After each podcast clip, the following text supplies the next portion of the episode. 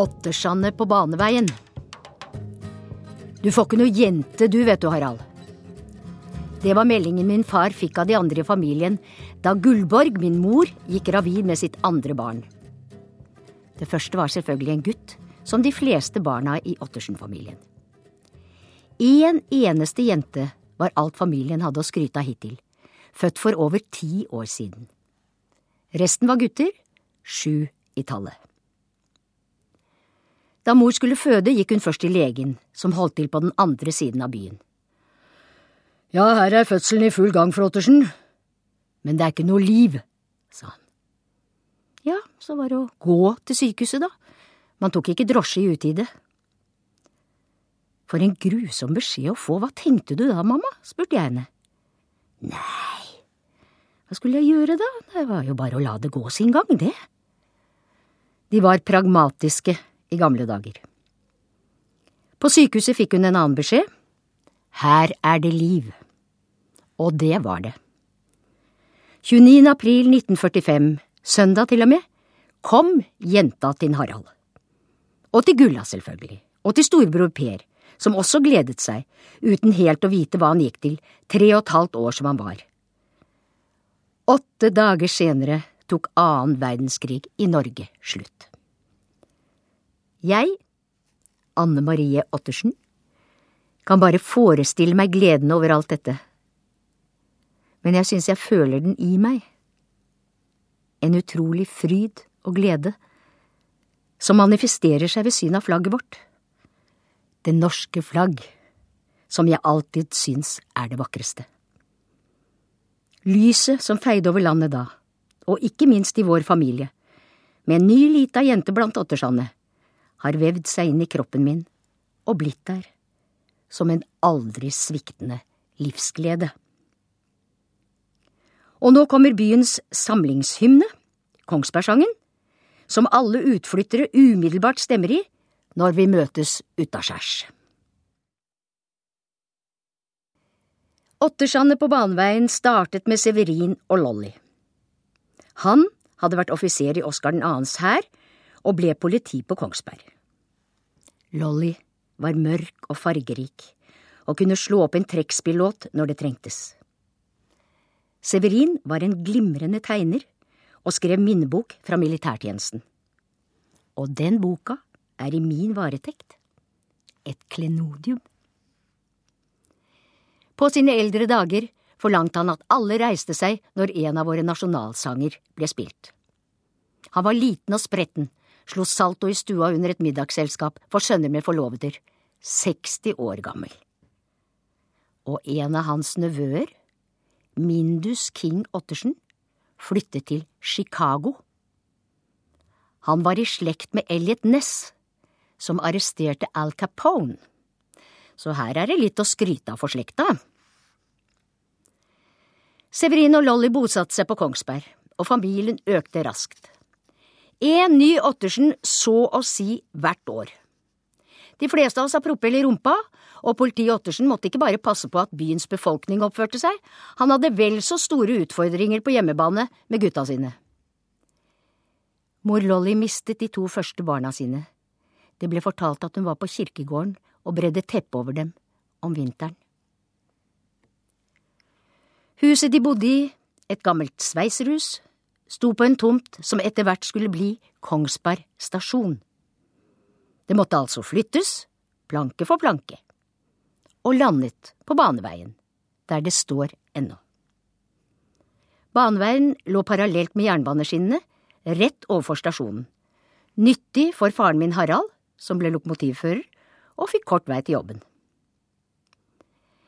Etter hvert vokste ungeflokken til, de gamle falt fra, og eiendommen ble delt slik at familierekka bestod av tre hus, onkel Trygves, Sveitserhuset, hvor vi bodde, og på ett rom i annen etasje tante Sigrid. Hun var min far og onkel Trygves eldste søster, ugift, og familiens mater familias. Og så Haralds tomt med frukttrær, grønnsaker og et hønsehus med høner i, og i andre enden fetter Rolfs hus. Ingen gjerder, og foran Sveitserhuset sto et stort, fyldig bjørketre, tuntre, under hvilket alle satt og drakk kaffe og pratet og lo når været tillot det. Og faren min, han spilte mandolin. Jeg vokste opp midt i en storfamilie. Vi tok helt selvfølgelig del i alle aspekter av hverandres liv, hjalp hverandre og gledet oss med hverandre. Opplevde jeg noe, løp jeg gårdimellom og fortalte til tante Sigrid, tante Lill, til fru Klippenberg i annen etasje hos oss og til fru Løver, som bodde i annen etasje over tante Lill og onkel Trygve. Alle hadde tid. Alle tok del i mine opplevelser. Fruene var hjemmeværende, selv de uten barn. Klippenberg jobbet på Sementen, sementfabrikken som grenset til onkel Trygves hus. På sementen lagde de takstein og sementrør i alle størrelser, og vi barna kravla oppi og inni røra som lå strødd utenfor fabrikken. Sikkert ikke helt ufarlig, og av og til tok de voksne seg bryet med å advare, men stort sett så lot de oss være i fred. Fritt og godt, og med alle muligheter for utforskning for oss barna noe som sikkert er den beste måten å lære på. Når tiden sto stille og ingen av de andre ungene var ute i gata, var det tid for besøk i anetasjene. Hos fru Klippenberg banket det brødskiver med sukker, helt forbudt hjemme. Hos fru Løver spiste jeg blodpølse, også det med sukker. Deilig. Jeg lekte med Kai og Bulle. De bodde på baneveien på hver side av vårt hus. Pappa hadde laget en huske til meg, festet mellom uthuset og sveitserhuset. Husken var sikret som en barnestol med håndtak rundt det hele. Der ble jeg puttet og dyttet. Husker at jeg fløy høyt til himmels. Det var nifst, men mest moro. Hver morgen gikk jeg ut for å huske, og hver morgen var husken opptatt av Bulle. Han sto ekstra tidlig opp for å sikre seg plassen først. Husken var populær. Det endte med at pappa tok den ned igjen. Datteren slapp aldri til. Det var vel vanskelig å forklare Bulla at husken var min, var Tullas, som jeg ble kalt på den tiden. Gjengen på baneveien. Bulle, Kai og Tulla, det var oss. En dag, ja, sikkert hver dag, men denne husker jeg, hadde mor satt meg i sportsvognen for å sove ute i gården. Sportsvognen hadde jernstang rundt det hele slik at jeg ikke skulle falle ut, og kalesje til vern mot sol og regn. Denne var halvveis oppe, og jeg kunne se på solen, så at innerst var den en grønn kule, og så en sort kule. Det neste jeg husker, er Kai som løper trillende på meg ned mot baneveien. Det var en flott, lang bjørkeallé fra veien opp til vårt hus. Han løp så fort de små beina kunne bære ham. For etter ham løp en nervøs mor og prøvde å stoppe ham. Hun fikk fatt i vogna nede på veien. Da begynte Kai å gråte. Han ville trille barnevogn, akkurat som Bulle, som hadde fått låne en gammel dukkevogn av sin eldre søster, med dukke i. Kai hadde også dukke i vogna. Meg. Det gikk ikke. Mamma hentet barnet sitt og trøstesnakket med henne på tilbakeveien oppover Bjørkalleen. Jeg husker det. Jeg husker mammas bekymrede og trøstende ansikt foran vognen, og jeg husker også at jeg var eh, helt trygg. Hele tiden. Ingen skade skjedd. Bulle flyttet før vi begynte på folkeskolen. Stort savn. Mens Kai gikk jeg sammen med. Hele skoletiden. Helt ut gymnaset. Feiret 50 år som student sammen med han og de andre 19-åringene i 2014. Vi blir nemlig 19 igjen når vi møtes, helt uavhengig av biologisk alder. Jeg traff ham forresten nettopp, han hadde fått billett til forestillingen Revisoren som jeg spiller i på Nationaltheatret for tiden. 70-årsgave fra søster Liv, som ble født mens vi bodde på baneveien. De lange linjer. Et helt liv. Jeg er så takknemlig for sånne ting.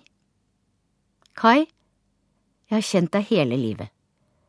Som barn, og nå som snart pensjonist. Du ble riktignok erstattet som lekekamerat på baneveien av Kari Myhr, som jeg møtte da jeg var fem og hun tre år. Hun er fremdeles min beste venninne.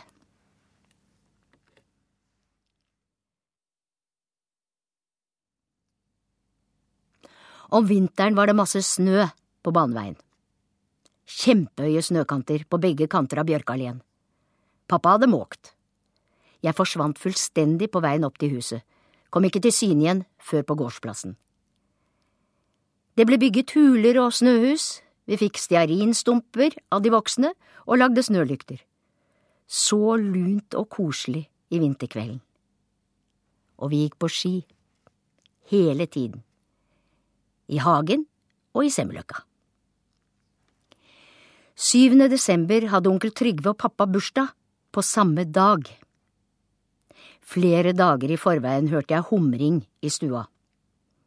Det var pappa som gledet seg til å kjøpe presang til sin ett år yngre bror. Det skulle være presanger med gøy. Pappa hadde funnet et slips som jeg tror må være verdens styggeste og mest glorete. Det var bredt, digert, blankt og knallgult. Han gledet seg til overleveringen og til å motta noe i samme sjanger. Det var mye humor i familien. Man kledde seg ut og lagde